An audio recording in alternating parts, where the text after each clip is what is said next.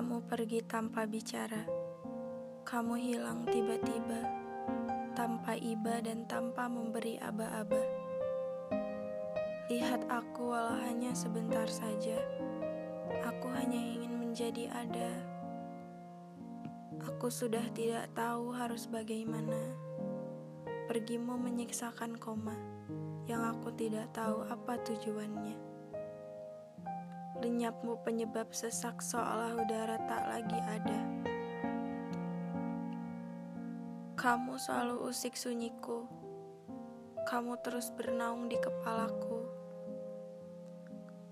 Banyak pertanyaan kenapa? Kenapa pergi begitu cepat datangnya? Kenapa sadar harus disadari di saat sudah tidak ada? Kenapa hancur lebih mudah Kasih, bicaralah. Berikan alasan agar perpisahan ini jauh lebih bisa dipahami, lebih bisa diterima. Lara apa yang kuberikan padamu? Pertahankan semuanya apa kamu tidak mau? Setidak sudi itukah kamu? Aku tidak mengerti. Ini bagai benang yang kusut, yang sudah kehabisan akal untuk membenarkannya kembali. Semakin dibenarkan, malah semakin tidak benar. Ah, sudahi saja, tidak apa-apa, kataku. Yang bila diartikan menjadi "aku sudah mati", aku sudah pasrah dan berserah. Aku mengerti aku tidak akan abadi.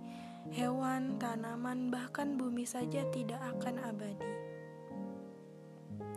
Jadi, bila cerita kita juga harus disudahi, aku mengerti. Tapi percayalah, aku memilih melepaskanmu.